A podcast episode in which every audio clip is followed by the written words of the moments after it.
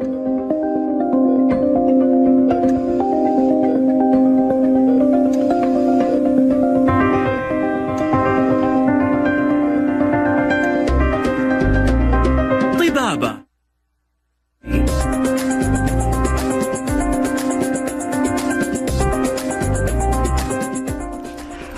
وحياكم الله أعزائي المستمعين ويا هلا وسهلا فيكم في حلقة جديدة من برنامج طبابة، برنامجكم الطبي الأول على أثير إذاعتكم ألف ألف FM. معكم من خلف المايك هاني المهندس وطبعا أكيد حيكون معنا عنوان حلقة جديدة وموضوع جديد صحي مهم جدا الجميع لازم يتنبه له وبالذات طبعا ابنائنا وبناتنا المقبلين على الزواج. نتواصل كيف مع بعض من أجل استفساراتكم وأسئلتكم. طبعا المختصين وذوي طبعا زي ما يقول العلم والمعرفة في هذه المواضيع. طبعا نتواصل مع بعض عن طريق واتساب إذاعة ألف ألف أف أم. ننتظر منكم أي استفسار أو أي سؤال فيما يخص موضوع اليوم. موضوع اليوم أهمية فحص ما قبل الزواج. وطبعا أهمية فحص ما قبل الزواج صار نقدر نقول شيء ضرورة حاليا. يعني قبل حتى ما يقام الزواج أو عقد الزواج لابد من حكاية اللي هو الفحص. فنبغى نتكلم عن الموضوع. ليش مهم؟ في بعض الناس يقولوا ليش مهم هذا الموضوع؟ ولكن رقم الواتساب عشان استفساركم ومعلوماتكم بالكامل اللي تحبوا إنكم أنتم تشاركوها معنا وإحنا نشارك معكم استفساراتكم وأجوبتكم في الأسئلة على صفر خمسة خمسة ستة ستة ثمانية تسعة صفر صفر واحد. حمل تطبيق ألف ألف أف أم واسمعنا بأحسن صفاوة وفي مكان. طيب آه، وش رأيكم نتكلم عن الموضوع الآن بشكل أكبر؟ لأنه عنوان حلقتنا أهمية فحص ما قبل الزواج. وطبعا هذا البرنامج برعاية مختبرات تبيانه الطبية تبين تطمن. طبعا لو تكلمنا عن الفحص الطبي ما قبل الزواج هو مهم في المقام الأول ليش؟ لأنه بيعطي يقولون الأزواج اللي يخططوا للزواج قريبا إن شاء الله استشارة طبية بشأن بعض الأمور زي نقل الأمراض الوراثية لأطفالهم نظرا لأنه زواج الأقارب منتشر جدا في بعض الدول زي عندنا في المملكة العربية السعودية والدول العربية الأخرى الشقيقة. دائما وابدا يقال إنه أطفال زواج الأقارب معرضون بشكل متزايد لخطر الإصابة بالأمراض الوراثية والتشوهات وعشان يكلمنا عن هذا الموضوع أكثر وباستفاضة واضحة حيكون معانا ومعانا فعلا الآن نجمنا اليوم في الحلقة الدكتور إيهاب علي أستاذ مساعد الباثولوجي الكلينيكية. دكتور إيهاب منورنا اليوم في الاستوديو. أهلا وسهلا أستاذ هاني دكتور إيهاب طبعا صار موضوع في المملكة العربية السعودية فرضت الحكومة حاليا موضوع هو فحص ما قبل الزواج اللي هو الطبي. فممكن تكلمنا عن هذا الموضوع من ناحية ليش الحكومة فرضته قبل كل شيء؟ آه، بسم الله الرحمن الرحيم. اولا أحب أعرف السادة المستمعين آه، نعرف يعني إيه برنامج فحص ما قبل الزواج. آه، في الحقيقة ده برنامج طبي متكامل فرضته الدولة. الهدف منه الاهتمام بصحة المواطن وخلق أجيال جديدة تحمل تتمتع بصحة وعافية آه، ممتازة إن شاء الله. آه، الهدف من البرنامج ده زي ما حضرتك قلته آه، ليه مقدم للمقبلين على الزواج وعبارة عن تحاليل مخبرية لأمراض تنتقل وراثيا زي بعض أنواع الأنيميا الثلاسيميا والأنيميا المنجلية. نعم.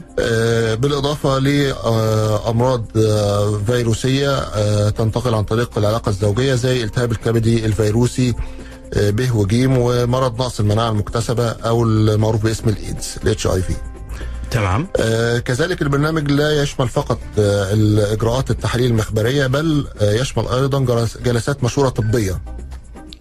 آه، للزوجين أو الزوجين المستقبل أو أحدهما سواء بشكل مستقل أو آه، بشكل جماعي هما الاثنين مع بعض حسب رغبة الطرفين سواء بشكل فردي أو الطرفين معا. وفي الحقيقة وزارة الصحة مشكورا بتنصح المقبلين على الزواج بإجراء الفحص ده آه، قبل فترة كافية من موعد الزواج يعني اتليست على الأقل آه، بينصح بحوالي قبلها بثلاث شهور. آه، عشان يبقى في وقت مناسب حتى يتسنى للطرفين. القرار في هذا آه الموضوع. لا سمح الله مناقشة أي مشاكل صحية قد تكون موجودة. قد يكشف عنها الفحص واتخاذ القرار السليم بناء على ذلك. طبعا تعتبر مختبرات تبيانة من المختبرات في القطاع الخاص والقليلة جدا من المختبرات اللي هي المعتمدة من قبل وزارة الصحة عشان تقدم خدمات فحص ما قبل الزواج. هذا الشيء إحنا عارفينه. طبعا تبيانة زي النار على العلم من ناحية طبعا التحاليل والمختبرات والفحوصات من وإلى. وبعروضكم الممتازة والحلوة اللي تخلي الواحد أصلا يبغى يطمح أنه فعلا يحلل عندكم. ولكن دكتور إحنا نقول دائما ابدا مشكلة فحص ما قبل الزواج مهمة بين الأقارب عشان حكاية المشاكل الوراثية. زي مثلا آه، فصيلة الدم المنجلية أو يسموها مشكلة الدم المنجلية أو مثلا الأمراض الأخرى الوراثية وش ما كانت؟ لكن دكتور هل برضو مهم فحص ما قبل الزواج للناس اللي حتى مهم أقارب؟ هنا سؤالي. تمام. آه زي ما حضرتك بتقول تفضلت مشكورا اللي تبيانه مخ- آه مختبرات تبيانه من من الأماكن القليلة ال- المرخصة من قبل وزارة الصحة السعودية. نعم. وده حاجة إحنا بنشرف بيها في مختبرات تبيانه بحيث إن إحنا المختبرات ليها دور مجتمعي خدمي مجتمعي أكتر منه دور هادف للربح. وده اللي إحنا بنقدمه من خلال آه، فحص فحص ما قبل الزواج. وبنتشرف بيه من خلال الدكاترة ال- الصف اللي موجود الاستشاريين السعوديين والأجانب والأخصائيين اللي موجودين في المختبر اللي إحنا بنتشرف بتقديم الخدمة دي. تمام آه، أما فحص ما قبل الزواج آه، لا يعني الأهمية بتاعته مش آه، مش مجرد للأقارب لأن بينقسم لشقين شق الأمراض الوراثية وشق الأمراض المعدية. نعم فالأمراض المعدية لا ليست لها علاقة بدرجة القرابة زي التهاب الكبد الفيروسي أو مرض نقص المناعة المكتسبة أو أي أمراض تانية دي ملهاش علاقة بالقرابة. فعشان كده الدولة مشكورة آه، فرضت موضوع فحص الزواج ويتشمل الشق ويشتمل الشقين الشق الوراثي والشق آه،. العدوى المرضي اللي هو زي مثلا ال HIV اللي هو طبعا الايدز أو ال- ال hepatitis اللي هو الكبد الوبائي. أو إيش ما كانت من أمراض خارجية ممكن تنتقل للطرف الثاني لا سمح الله أيوه فالحاجات دي بتبقى مشمولة في برنامج فحص الزواج المخبري وليست فقط الأمراض الوراثية ممتاز هذا طبعا زي ما يقولون الوقاية خير من الف علاج فعلا وإن شاء الله كل الجميع سليم بإذن واحد أحد بس هو لابد يعني وقاية للطرفين. دكتور دائما ابدا يتبادر على ذهننا شغلة واحدة المختبرات الخاصة. حلو زي مختبرات تبيانة الطبية أو المختبرات الحكومية. دكتور إيهاب هل يوجد فرق بين فحص آه، لدى المختبرات الحكومية أو في مختبرات تبيانة لو ممكن توضح لنا بما أنك أنت أحد الأعضاء البارزين في مختبرات تبيانة الطبية. في الواقع يا أستاذ هاني هو ال- البروتوكول أو ال- ال guideline وزارة الصحة السعودية ملزمة للجميع لكي لكل من يتعامل مع صحة المواطن أو المقيم بمعايير معينة لا ما ينفعش التحيد عنها أو ما ينفعش يشتغل من غيرها. فنفس المعايير موجودة آه، في كل مكان. إحنا في تبيانه آه، آه، بنتميز بحاجة أكتر اللي هو ال- ال- السرعة سرعة النتيجة. النتيجة ما فيش عندنا waiting ليست زي بعض الأماكن التانية. النتيجة من آه، وزن ثلاث أيام بتكون النتيجه خلصت من هذه عندنا إذا مرة تأخرتوا. ثلاثة أيام يعني مرة هي ثلاث شيء. لو نتيجة سلبية ما فيش أي مشاكل بتبقى النتيجة إن شاء الله خلال ثلاث أيام maximum ثلاث أيام. جميل حلو. آه إنما لا سمح الله أحيانا بيبقى فيه اشتباه آه آه، عدوى أو اشتباه آه آه، في خلل وراثي معين فده لازم بنسحب عينة تانية حسب بروتوكولات وزاره الصحة. إذا كنا نحتاج نسحب عينة تانية ونعيد تحليل تاني أو نعيده بتكنيك تاني ده قد ممكن ياخد وقت أكتر من كده. فالوقت الأكتر لا سمح الله لو في أي مشاكل وراثية أو أي مشاكل تتعلق بالعدوى آه، الفيروسية. تمام. ففي هذه الحالة طبعا آه، يبين لو, لو كانت النتيجة سلبية هي برضو ثلاث أيام في كل حالة لو نتيجة سلبية إيجابية سلبية، ثلاث أيام. آه سلبية قبل ثلاث أيام. كمان. وفي حالة إنها سلبية طبعا يتم تبليغ الطرفين أو طرف واحد الطرفين. وبتيجي رسالة على ال- الجوال ويرس- وي- ويقدر يطبع الشهادة من على موقع وزارة الصحة بيجي له link بيطبعها من من الموقع المعتمد وعشان ال- المأذون دي من اشتراطات عقد القران أو التوثيق اللي هو لازم تكون الشهادة المعتمدة موجودة. وطبعا تجي بالواتساب تجي بطريقة ثانية طبعا عن طريق المواقع ال- الأساسية عندكم في تبيانة أو إيش ما كان عندكم عدة طرق أنتم النتائج كلها سهلة. كلها سهلة وكلها حسب برضو ال- المناسب لل- للمراجع بس بالنسبة لفحص الزواج بالذات هي دي حاجة personal أو حاجة شخصية. طبعا ما ينفعش أي حد يطلع عليها فهو لازم شخصيا هو أو من آه، ينوب عنه اللي هو يقول لك مثلا أنا والدي لو الزوجة مثلا آه،. والدي اللي هيجي يستلم النتيجة أو أخوي أو أو whoever هو ده اللي بيستلم النتيجة. ممتاز. طبعا آه، حنطلع إحنا معاكم فاصل كذا بسيط بس أذكركم بعنوان حلقتنا اليوم لأي استفسار من قبلكم أو من طرفكم المستمعين الكرام. عنوان الحلقة أهمية فحص ما قبل الزواج. وطبعا واتساب إذاعة ألف ألف FM 055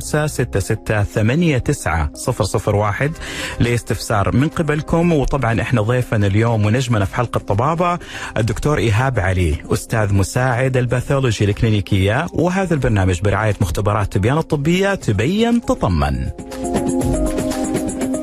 أوكي.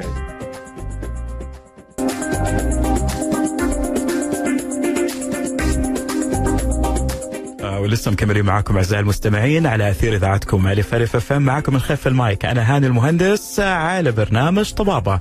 برنامجكم الطب الأول. مخرجتنا لهذه الفترة الاستاذ عهود. شكرا لك يا عهود. طبعا أذكركم بضيفنا اليوم ونجم حلقتنا الدكتور إيهاب علي أستاذ مساعد الباثولوجيا الكلينيكية. وهذا البرنامج وحلقة اليوم بالتحديد برعاية مختبرات تبيان الطبية. تبين تطمن. طبعا تبين وتطمن واحلى شيء الاطمئنان انه الواحد يتبين انه صحته تمام مع طبعا مختبرات تبيانة الطبيه وعنوان حلقتنا اليوم أهمية فحص ما قبل الزواج. آه، دكتور إيهاب طبعا مهما تكلمنا ومهما سوينا أسئلة وأجوبة ويعني وضحنا إيش المشاكل والأخطار اللي تكون في زواج الأقارب أو حتى زواج اللي مو هم أقارب. لكن دكتور هل يوجد بعض الحقائق اللي حصلت معاكم في المختبر أو بعض القصص الواقعية اللي حلت مشاكل فعلا ممكن آه، تؤدي المشاكل المستقبلية لأنكم أنتم ألف خطوة بتختصروها في خطوة. تمام أه والله السؤال ده وجيه جدا وكويس اللي حضرتك طرحته أه هاني فإحنا أه اولا يعني حسب إحصائيات وزارة الصحة أه منذ بداية ال- البرنامج أه تم فحص أكثر من 4 مليون و341 ألف 620 مواطن نعم. ومواطنة أه تم اكتشاف ما يقارب 260 ألف حامل ومصاب أه لأمراض الدم الوراثية المشمولة في البرنامج. آه، وشهد البرنامج تطور ملحوظ في استجابة الازواج غير المتوافقين وراثيا بحيث وصلت إلى 70% آه، من الناس اللي آه، اللي اشتملوا في البرنامج ده اللي هم آه، عرفوا اللي فيش توافق وراثي اللي خدوا حذرهم وخدوا إجراءاتهم حسب رغبتهم في عدم في في الزواج من عدمه. ده بالنسبة على الصعيد العام. أما الصعيد الخاص فإحنا عندنا في تبيانه أكتر من حالة حاجة حصلت زي كده بس طبعا بدون ذكر أسماء. آه على أذكر على سبيل المثال كان آه، زو- آه، زوج وزوجة مستقبليين. آه، جم عملوا التحاليل بتاعتهم فللاسف طلعت الزوجة مصابة بالتهاب كبدي وبائي بي آه. وما كانتش تعرف. نعم. آه، والزوج ما كانش يعرف. آه،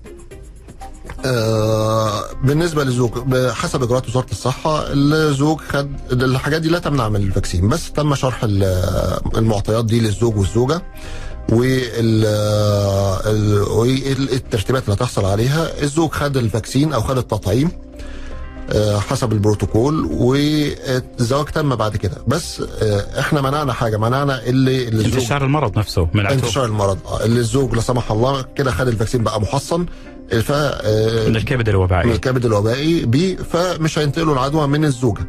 وفي نفس الوقت الزوجة عرفت إنها مصابة فتاخد حذرها بالنسبة للمخالطين ليها بالنسبة بعد كده أي عمليات جراحية أي نقل دم يبقى معروف إن ال- الشخص يتسجل على ال system اللي هو عنده مصاب آه، بالتهاب الكبد الوبائي وغير كده كمان انها تبدأ أو تبت في عملية العلاج انها تبدأ في فيه فعلا وإن شاء الله ربي يشفيها يا رب.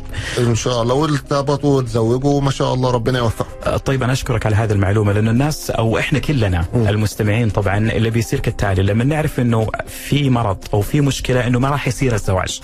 ولكن اللي عرفته من كلامك برغم إنه تم التشخيص إنها بتعاني مشكلة الكبد الوبائي هذا الشيء ما ما ما وقف زواجهم. يعني مش الموضوع للنهاية. هو في آه، عند بعض الناس مفهوم خطأ بالنسبة لبرنامج نعم. فحص الزواج اللي هو فحص الزواج بيمنع لو لا سمح الله في أي مشكلة عند الزوج أو الزوجه بيمنع الزواج. ده اطلاقا ما بيحصلش. هو الدور ده مشهور دور مشوره مش أكتر من كده. يعني بتحط كل ال- المعلومات قدام الزوج والزوجة المستقبليين. لو هيحتاجوا تحصينات ضد أمراض معينة آه، ينفع عليها تحصينات أو لو في أي مشاكل وراثية تانية قد آه، يبقى تتوقع ان في حدوث آه، أي أمراض وراثية آه، للأولاد بيتحطوا قدام المعطيات. والقرار الأول والأخير ليهم للزوج. للزوج والزوجة. إنما ال- العقد القرار ممكن يتكتب وكل حاجة بس موافقة الزوج والزوجة. هو طبيعي ما بيتكتبش غير بالشهادة الصحية اللي موثقة من وزارة الصحة. إنما. إنما إحنا دورنا ودور الوزارة كمشورة مش أكتر. والله في المرض الفلاني ولا سمح الله ينصح بالزواج أو ينصح بعدم إتمام الزواج نصيحة فقط لا غير يعني دكتور مثلا يجوا اثنين أولاد عم يعني يعني زوجة أو خطيبة وابن عمها وكلهم حاملين الجيل اللي هو ممكن يسبب مشكلة وراثية مستقبلية واحتمال كبير إنه يسبب مشكلة في الأطفال.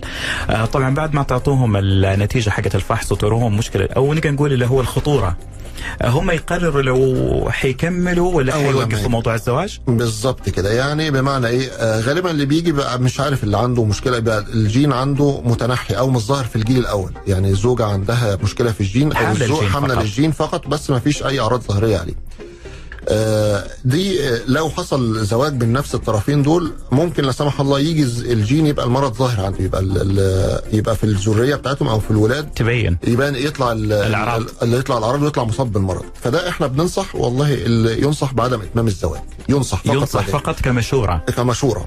إنما القرار الأول والأخير للزوج والزوجة. إنهم يكملوا إنهم يكملوا ولا إنهم يوقفوا موضوع الزواج هذا بالكامل. طيب دكتور طبعا عشان المستمعين الآن سامعيننا من ناحية هذا الموضوع اللي هو فحص ما قبل الزواج وأهميته. آه، دكتور إيهاب وش هي الخطوات اللي يتبعها أي شخص يبغى يسوي فحص ما قبل الزواج في تبيانه بالتحديد؟ الخطوات المطلوبة. الخطوات المطلوبة اللي هو يتفضل آه، يراجع أي فرع من فروع مختبرات تبيانه اللي موجودة في المملكة معاه الهوية. تمام؟ ويسجل ويت آه، وفي نفس الوقت على طول بدون آه، حجز بدون موعد آه، بدون أي شيء. مباشرة الموضوع. يتوجه بالموضوع لأن الموضوع ليه أهمية قصوى زي ما حضرتك عارف والسادة المستمعين سمعنا. فليه أهمية قصوى فبيتوجه في أي وقت في أوقات الدوام الرسمية. للفرع ويتم عمل سحب فحوصات الدم ليه واعطاء المشورة الزوجية. ممتاز طيب على كده دكتور آه، في سؤال طبعا نفس السؤال الشق الثاني إنه كم مدة صلاحية فحص ما قبل الزواج؟ أنت قلت قبل ثلاثة شهور يفضل إن الواحد يعملها قبل ست شهور إيه. قبل ست شهور يعني مدة صلاحية الفحص الزواج بيبقى صالح لمدة ستة شهور من تاريخ الفحص لو مر عليها أكتر من ست شهور تعتبر ملغية ولابد من آه، عمل فحص جديد سواء للزوج أو للزوجة قبل توثيق عقد الزواج. حلو. ده حسب آه، يعني كل ما كان أقرب كل ما كان أفضل. كل ما كان يبقى كان أفضل. صح؟ هذا طبعا مهم. وطبعا هذا الشيء حاليا ملزم عندنا في المملكة العربية السعودية عشان تقليل المشاكل اللي هو الإصابات المرضية أو حكاية اللي هو نقل الجينات الوراثية للجيل القادم. تمام. ولكن دكتور علاقة نتيجة فحص الزواج بالسجل المدني هل يوجد علاقة أو لا؟ لو ممكن إحنا تكلمنا طبعا تحت الهواء في هذا الموضوع فأنت طبعا ممكن تكلمنا عنه لو حابب. طيب آه، فحص الزواج بشكله الحالي والمعتمد من وزارة الصحة آه، زي ما قلنا قبل كده يقوم باختبار الطرفين الأمراض الوراثية زي- آه، ما حضرتك تفضلت مشكورا وهي أهمها الثلاسيميا والأنيميا المنجلية وبعض الأمراض المعدية زي التهاب الكبد B و C وال HIV الأوراد ال- الوراثية قد في قد تكون حالات عدم توافق عندما يكون الطرفين يحملون المرض وفي الحالة دي آه، لا ينصح بإتمام الزواج وإنما ينصح بالبحث عن شريك آخر لا يحمل المرض. آه، أما بالنسبة نعم. للأمراض المعدية ففي حالة وجود بعض الأمراض المعدية وفي ليها تلقيح أو تحصين معين ينصح ب آه، آه، بأخذ التحصين ده لو واحد من الأطراف فيه. إنما آه، لو الطرفين حاملين مصابين بالمرض ينصح بعدم إتمام الزواج. السجل المدني آه، مش ليس له أي علاقة ليس تماماً. له أي علاقة ليس عشان حكاية. المخاوف اللي تجي لبعض الأفراد لا لا اطلاقا وحتى النتيجة دي مش ملزمة لعدم إتمام الزواج لا سمح الله يعني النتيجة الناس عرفوا كده اللي عرفوا النتيجة بتاعتهم لا سمح الله في أي مشاكل وهم عايزين يتمموا إجراءات الزواج آه، ده حقهم محدش يقدر يمنعهم بس إحنا ال- النتيجة بتاعت فحص الزواج دي حاجة دور مشوره مش أكتر. مشوره وإبداء النصيحة الطبية مش أكتر من كده.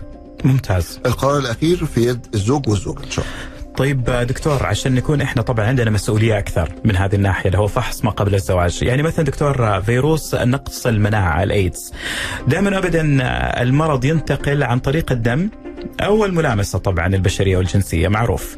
طبعا دائما ابدا مريض الإيدز يحس بنظرة فيها نوع من الخوف من الناس المحيطين فيه.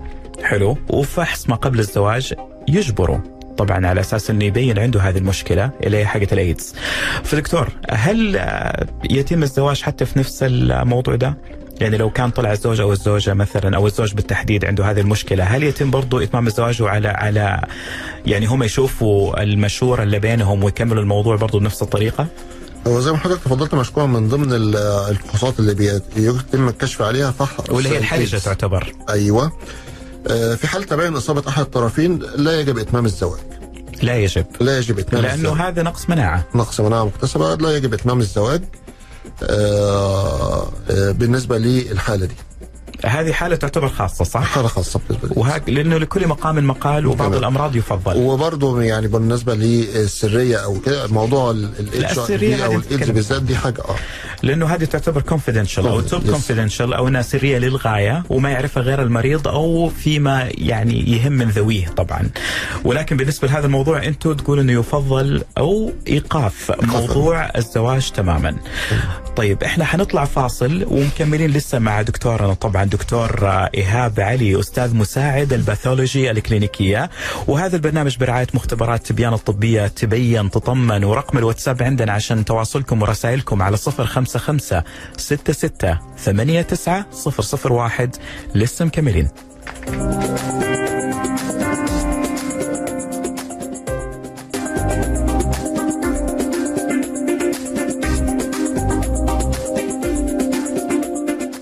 برنامج طبابة نكمل معاكم ولسه مكملين فعلا مع موضوعنا اليوم إلا هو أهمية فحص ما قبل الزواج.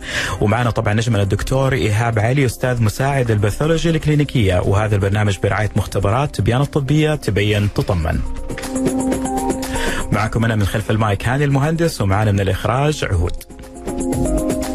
دكتور في عدة أسئلة طبعا وصلت من المستمعين ولكن خلينا أذكركم طبعا برقم الواتساب. لو حبيتوا ترسلوا استفساراتكم وأسئلتكم 055 66 89 001 لأي استفسار. دكتور إيهاب منورنا اليوم في الاستوديو. أهلا بك هاني أهلا عود. الله يعطيك العافية ويحييك إن شاء الله دكتور في رسالة طبعا هو بس مجرد إنه الشخص يبغى يطمن من هذه الناحية على حكاية العمر، يقول العمر ما له علاقة بحكاية التحليل، هو كبير بالعمر وبيتزوج سيد أصغر منه ب 15 سنة، فيقول هل هذا الشيء بيأثر علينا في حكاية اللي هو التحليل والزواج وكل شيء؟ ابدا ابدا اطلاقا واضح إنه قلق مرة. لا لا لا لا يتوكل على الله ويستمر ما فيش أي مشاكل عمر ما فيش أي مشكلة علاقة. 50 60 70 وات ما فيش أي مشكلة بالنسبة للعمر حلو. التحليل والفحص والمشورة متاحة لأي عمر بدون أي حد أعلى للليمت طيب الله يسلمك. آه، معا رسل لنا رسالة ومعا بيتكلم إنه هو يحمل جين فقر الدم اللي هو الأنيميا. حلو. وطبعا بيتزوج واحدة من خارج العيلة. آه لا تحمل جين فقر الدم. فهو بيسأل قديش تكون النسبة لإصابة أبنائنا في المستقبل؟ هو بيتكلم كنوع بس من الفضول يبي يعرف. لا والله هو ما دام واحد من من هو الطرفين عنده هي لا. واحد من الطرفين فقط اللي عنده آه، ده والتاني والطرف الثاني سليم فإن شاء الله الجيل اللي هيطلع بعد كده ده ما فيهوش أي أولاد أي سليم. وما بإذن عنده. بإذن الله. ولكن في حالة المشكلة لو الاثنين هم اللي عندهم ده يبقى في احتمالية أكثر لا سمح الله اللي حد من الولاد يطلع آه، حم يطلع آه، مصاب بالمرض.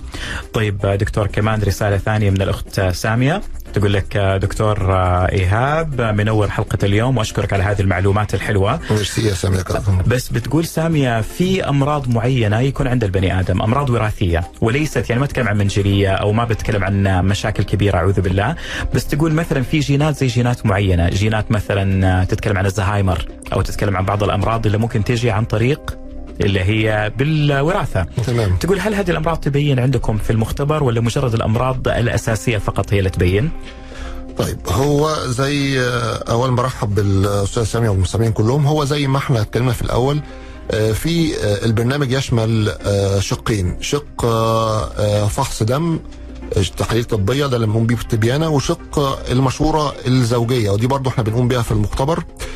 اللي هي آه، تتعلق بأي أمراض تانية آه، دي أو أي تساؤلات أو أي استفسارات تدور في ذهن آه، الزوج أو الزوجة بخصوص ال- آه، الزواج والأمراض اللي ممكن تطلع في في المستقبل بعد كده. وإحنا ممكن يعني نساعدهم اللي إحنا بأي لو حاجة ليها أي فحوصات أو أي تحاليل تانية أو هيك، نوجههم للطريق الصح. آه، أما التحاليل اللي هي ملزمة في في برنامج فحص الزواج آه، آه، السعودي آه، الخلايا الم- المنجلية والثلاسيميا اللي هي أمراض الدم اللي عن طريق الوراثة وتحاليل العدوى زي الفيروسات التهاب الكبدي ونقص المناعة المكتسبة. آه سؤال جميل ورائع دكتور آه، إيهاب من أحد المستمعين. طبعا أحييك على هذه الرسالة آخر رقم 151 يا أهلا وسهلا فيك. آه يقول السلام عليكم دكتور إيهاب. عندي سؤالين. تفضل. السؤال الأول هل وزارة الصحة تخلي مسؤوليتها في حال تم إثبات عدم النصيحة بالزواج عشان أطفال رضع مرضى. يعني يجوا من ناحية الدعم العلاجي المجاني. هذا هو أولا. يعني تخلي مسؤوليتها أنتوا ولا تبغوا السؤال الثاني في حالة تم إثبات أنه أحد الزوجين عنده لا هذا إحنا ما حنتكلم فيه اصابته بمرض الأيدز. أتوقع هذا شق ثاني اجتماعي. طيب إحنا حنجاوبك على السؤال الأول. السؤال الثاني يخش فيه طبعا شغلات وزارة الصحة وحكاية اللي هو دعم social I think إنه هو حكاية اللي هو دعم اجتماعي أو مصلح اجتماعي أو حاجة من هذا النمط. ممكن نوضح له هي على السريع طبعا. آه يقول في حالة تم إثبات حالة أحد الزوجين إصابته بالأيدز. هل ممنوع من الزواج إلى الأبد؟ حندي له حاجة بسيطة منها بس خلينا نجاوب على السؤال الأول. انه وزارة الصحة تخلي المسؤولية فعلا في حالة إنه أحد الزوجين يحمل أو الزوجين الاثنين أقارب وممكن يكون في مشكلة في حكاية زواجهم وخلفتهم؟ طيب هو ده هيرجعنا للمربع الأول. آه ليه ال- الدولة ممثله في وزارة الصحة آه أقامت مشكورة البرنامج ده. الغرض من البرنامج ده ليس إخلاء مسؤولية. الغرض هو آه، آه، تحسين صحة البني آدم. الجيل الجديد اللي طالع يبقى جيل يتمتع بالصحة والعافية إن شاء الله. وخالي من الأمراض اللي هي تضعفه وتضعف البرنامج بتاعه. وده الكلام ده يعني إحنا بننصح بيه من زمان يعني ومن قبل ما ننصح يعني الدين بتاعنا بينصح بكده. اللي إحنا آه، ما نتزوجش أقارب عشان الأقارب عشان دي أكتر يبقى عرضة فيها ظهور ال- الأمراض الوراثية آه، أو العيوب الجينية أو. العيوب الجينية. آه، فالغرض من الدولة اللي إحنا يبقى في شباب وفي ولاد يتمتعوا بالصحة والعافية وليس إخلاء الطرف وكده. طبعا هو بيقول كمان شغلة حلوة. يقول في حالة إنهم ما سمعوا النصيحة وتم الزواج وتم طبعا خلفة أطفال عندهم مشاكل جينية. هل وزارة الصحة تخلي مسؤولياتها في دي الحالة ولا مضطرة للعلاج؟ الله أعلم. هذه ما نعرفها طبعا أخوي. هذه طبعا تابعة لوزارة الصحة. وطبعا في شيء ثاني السؤال الثاني ممكن آه، على حكاية الإيدز اللي هو ينصح بعدم الزواج. أتوقع هذه برضو لوزارة الصحة هي تتصرف. يعني هذه طبعا مختبرات تبيان إحنا ب- مختصين أو مركزين على موضوع اللي هو التحليل وموضوع ما قبل الزواج. هذه المواضيع الثانية شوية معقدة وأحسها تابعة لوزارة الصحة. وفي العموم زي ما قلنا لحضرتك في معظم الحالات الدور بتاع ال- ال- دور البرنامج اللي هو نصحي آه، سواء بإتمام الزواج أو عدم نصح أو عدم إتمام الزواج الدور نصيح نصحي في المقام الأول. بننصح الم- المتقدم للزواج هل اللي هو يتمم الزواج أو اللي هو يبحث عن شريك تاني. الدور النصيحة. وغير النصيحة اكتشاف المشاكل الصحية. انها ممكن تعالج حتى المتقدم. تمام. لو هو زي مثلا زي ما تفضلت حضرتك دكتور إيهاب عندها كان مشكلة أكثر في من. نموذج. آه يعني ما أكثر كانت. تعرف؟ آه، ما كانتش تعرف والست عرفت وزوجها خد التحصين بتاعه والزواج تم وهي بعد كده خدت بقت متابعة مع العلاج مع في العيادة المختصة بتاعتها وحصلت بقى هي تمتعت الحمد لله بصحة أحسن ولحد دلوقتي هم بقوا ناس متابعين معانا وبيشكرونا اللي إحنا اكتشفنا الحاجة زي دي وطبعا نشكركم أنتم في مختبرات آه، التبيان الطبية على هذا فعلا الموضوع الجميل اللي أنتم اقترحتوه اليوم اللي هو أهمية فحص ما قبل الزواج لعدة أسباب. الموضوع إرشادي نصحي وفي نفس الوقت تثقيف صحي لو كان عنده الطرف مشكلة معينة أنتم ممكن تلحقوها من بدري. أكيد. يعني مشكلة الكبد الوبائي إنه لو انترك بيزيد. فتخيل إنه أنتم أقفت يعني وقفتوا مشكلة بين طرفين قبل لا ينتشروا قبل ما تصير المشكلة أكبر من كده. إحنا كسرنا الحلقة عشان زي ما حضرتك تفضلت وقلت لو الموضوع ما يزيدش وما ينتشر لا إحنا كسرنا الحلقة حد ما كانش يعرف اللي عنده التهاب كبد وبائي عرف وخد العلاج بتاعه الموضوع ما انتشرش في المجتمع أكتر. حصل فيه آه، يعني تحجيم لل- للمرض بقدر الإمكان. طبعا آه، أم كنان حابة تسلم عليك. أنا طبعا حقا رسالتك أم كنان. أم كنان تقول لك آه، دكتور إيهاب شكرا على هذا الموضوع. واشكر مختبرات تبيان الموضوع فحص ما قبل الزواج.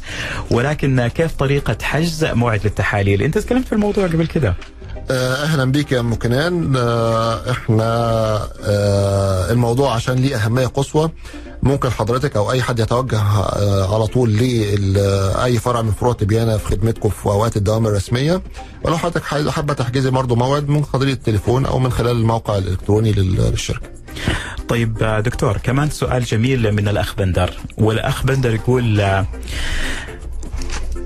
في حالة عدم موافقة الطرف الثاني للتحليل يعتبر موضوع الزواج لاغي؟ هو بيتكلم من ناحيته بيحلل بس الطرف الثاني اللي هي الزوجة أهلها رافضين الموضوع ففي هذه الحالة لن يتم موضوع الزواج. هذا أتوقع شيء حكومي. هو شيء حكومي هو برضو م- بس يعني من ضمن الاشتراطات يعني ال- ال- آه، موثق الأنكحة أو المأذون الشرعي مش هينفع يوثق العقد. غير من غير ما تبقى الشهادة موجودة. أكيد 100% وهو أصلا بيشترط هذا الشيء قبل أصلا ما يسوي الموضوع حق الزواج أو حكاية عقد القران. تمام. طيب غير كده دكتور إيهاب آه، وش تقول للنا طبعا هذه من حمزة سؤال.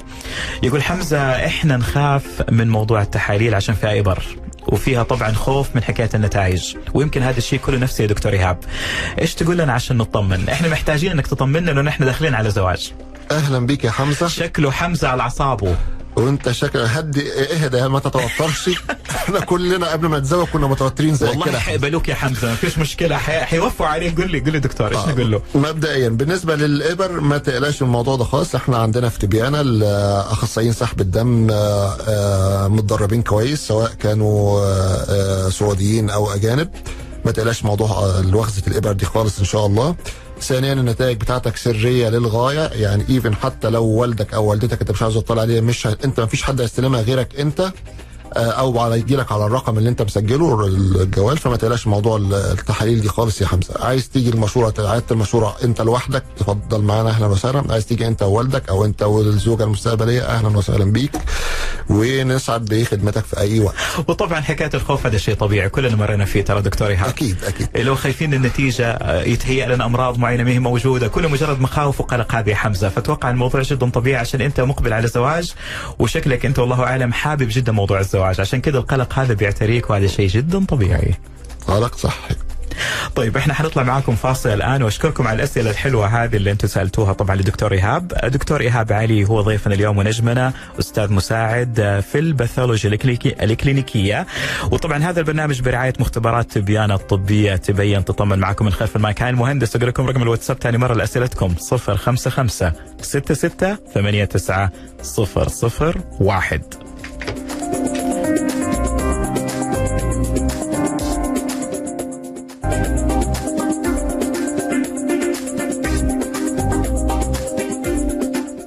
طيب إحنا وصلنا معكم الآن للفقرة الأخيرة في برنامج طبابة. معايا أنا من خلف المايك أنا المهندس ومعانا نجمة للحلقة الدكتور إيهاب علي أستاذ مساعد الباثولوجي الكلينيكية.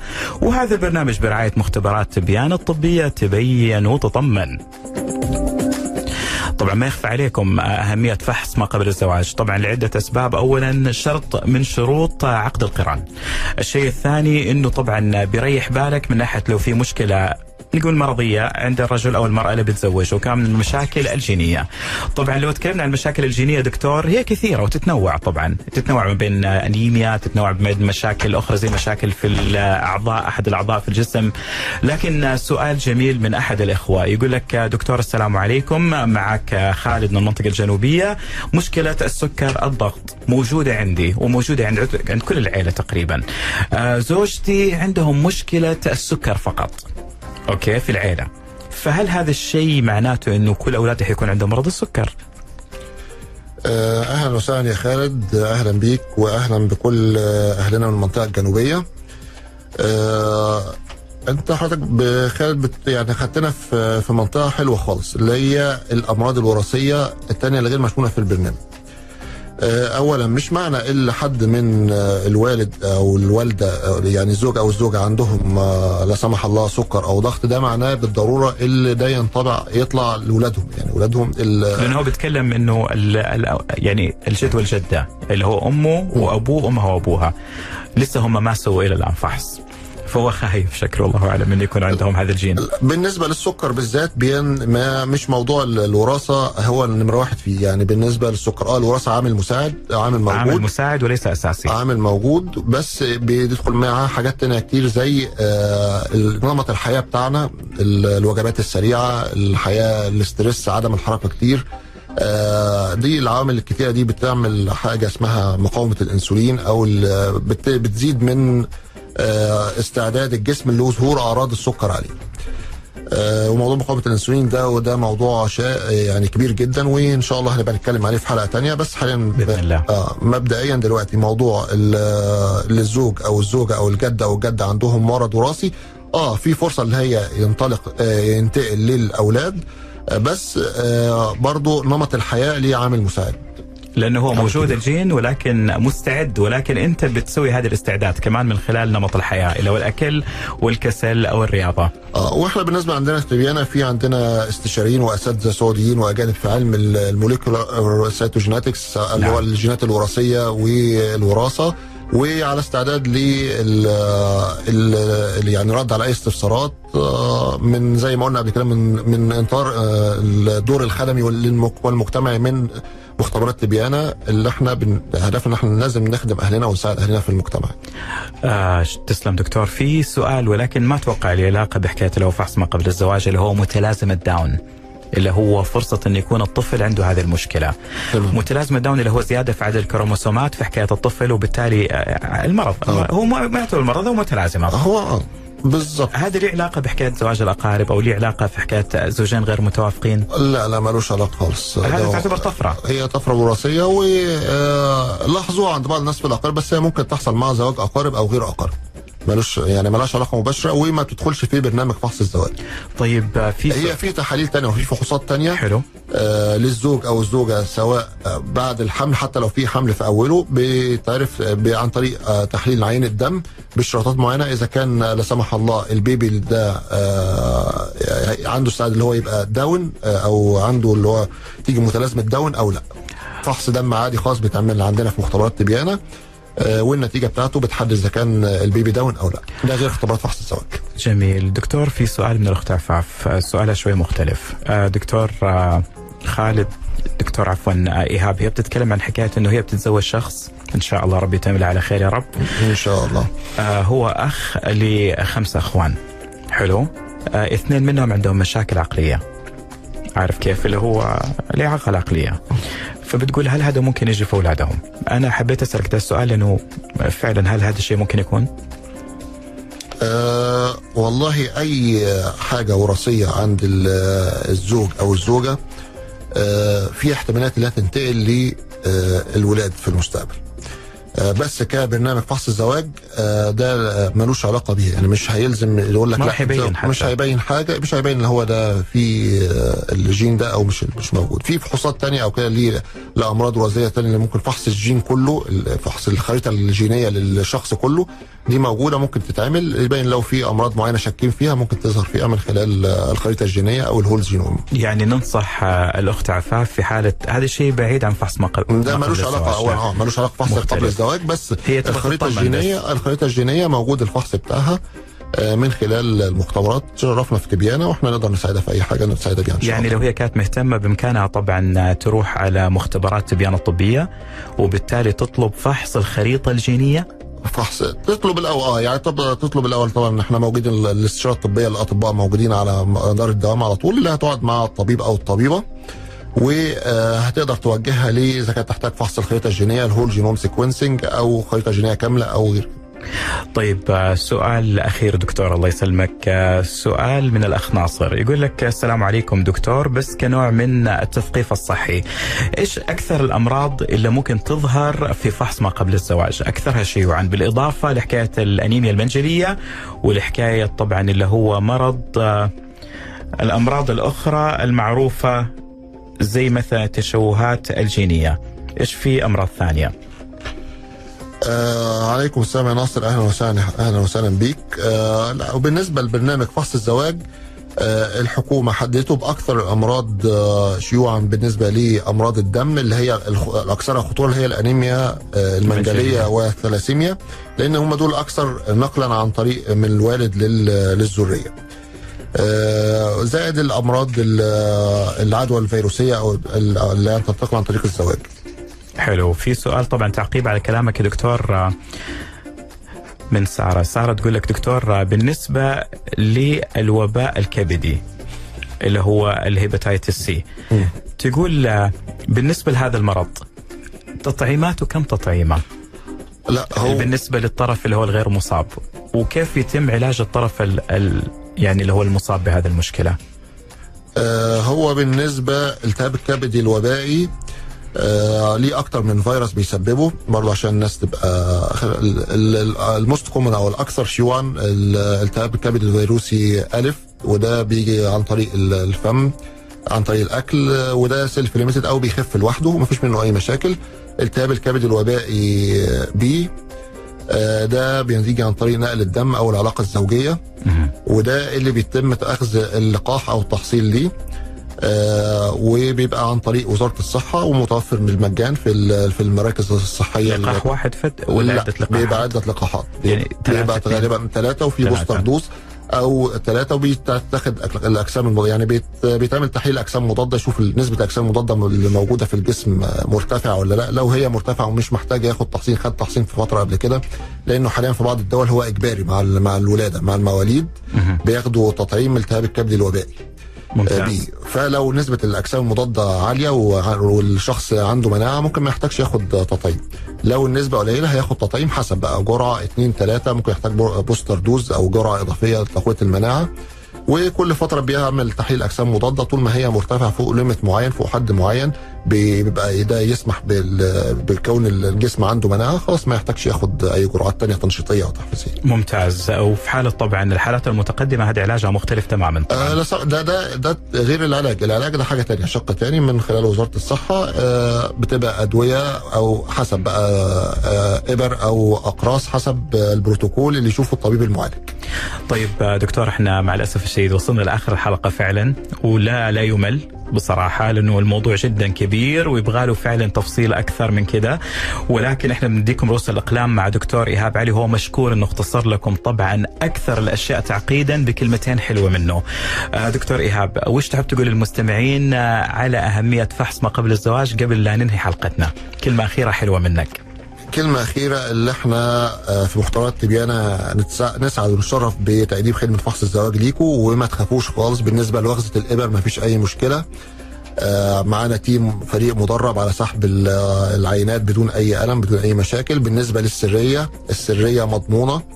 آه مفيش أي معلومات تطلع آه غير كده. الموضوع لا لا سمح الله لو في أي مشاكل في الغالب ده لا يسمح بإيقاف الزواج. إحنا الرأي بتاعنا رأي مش إبداء المشورة والنصح الطبي فقط.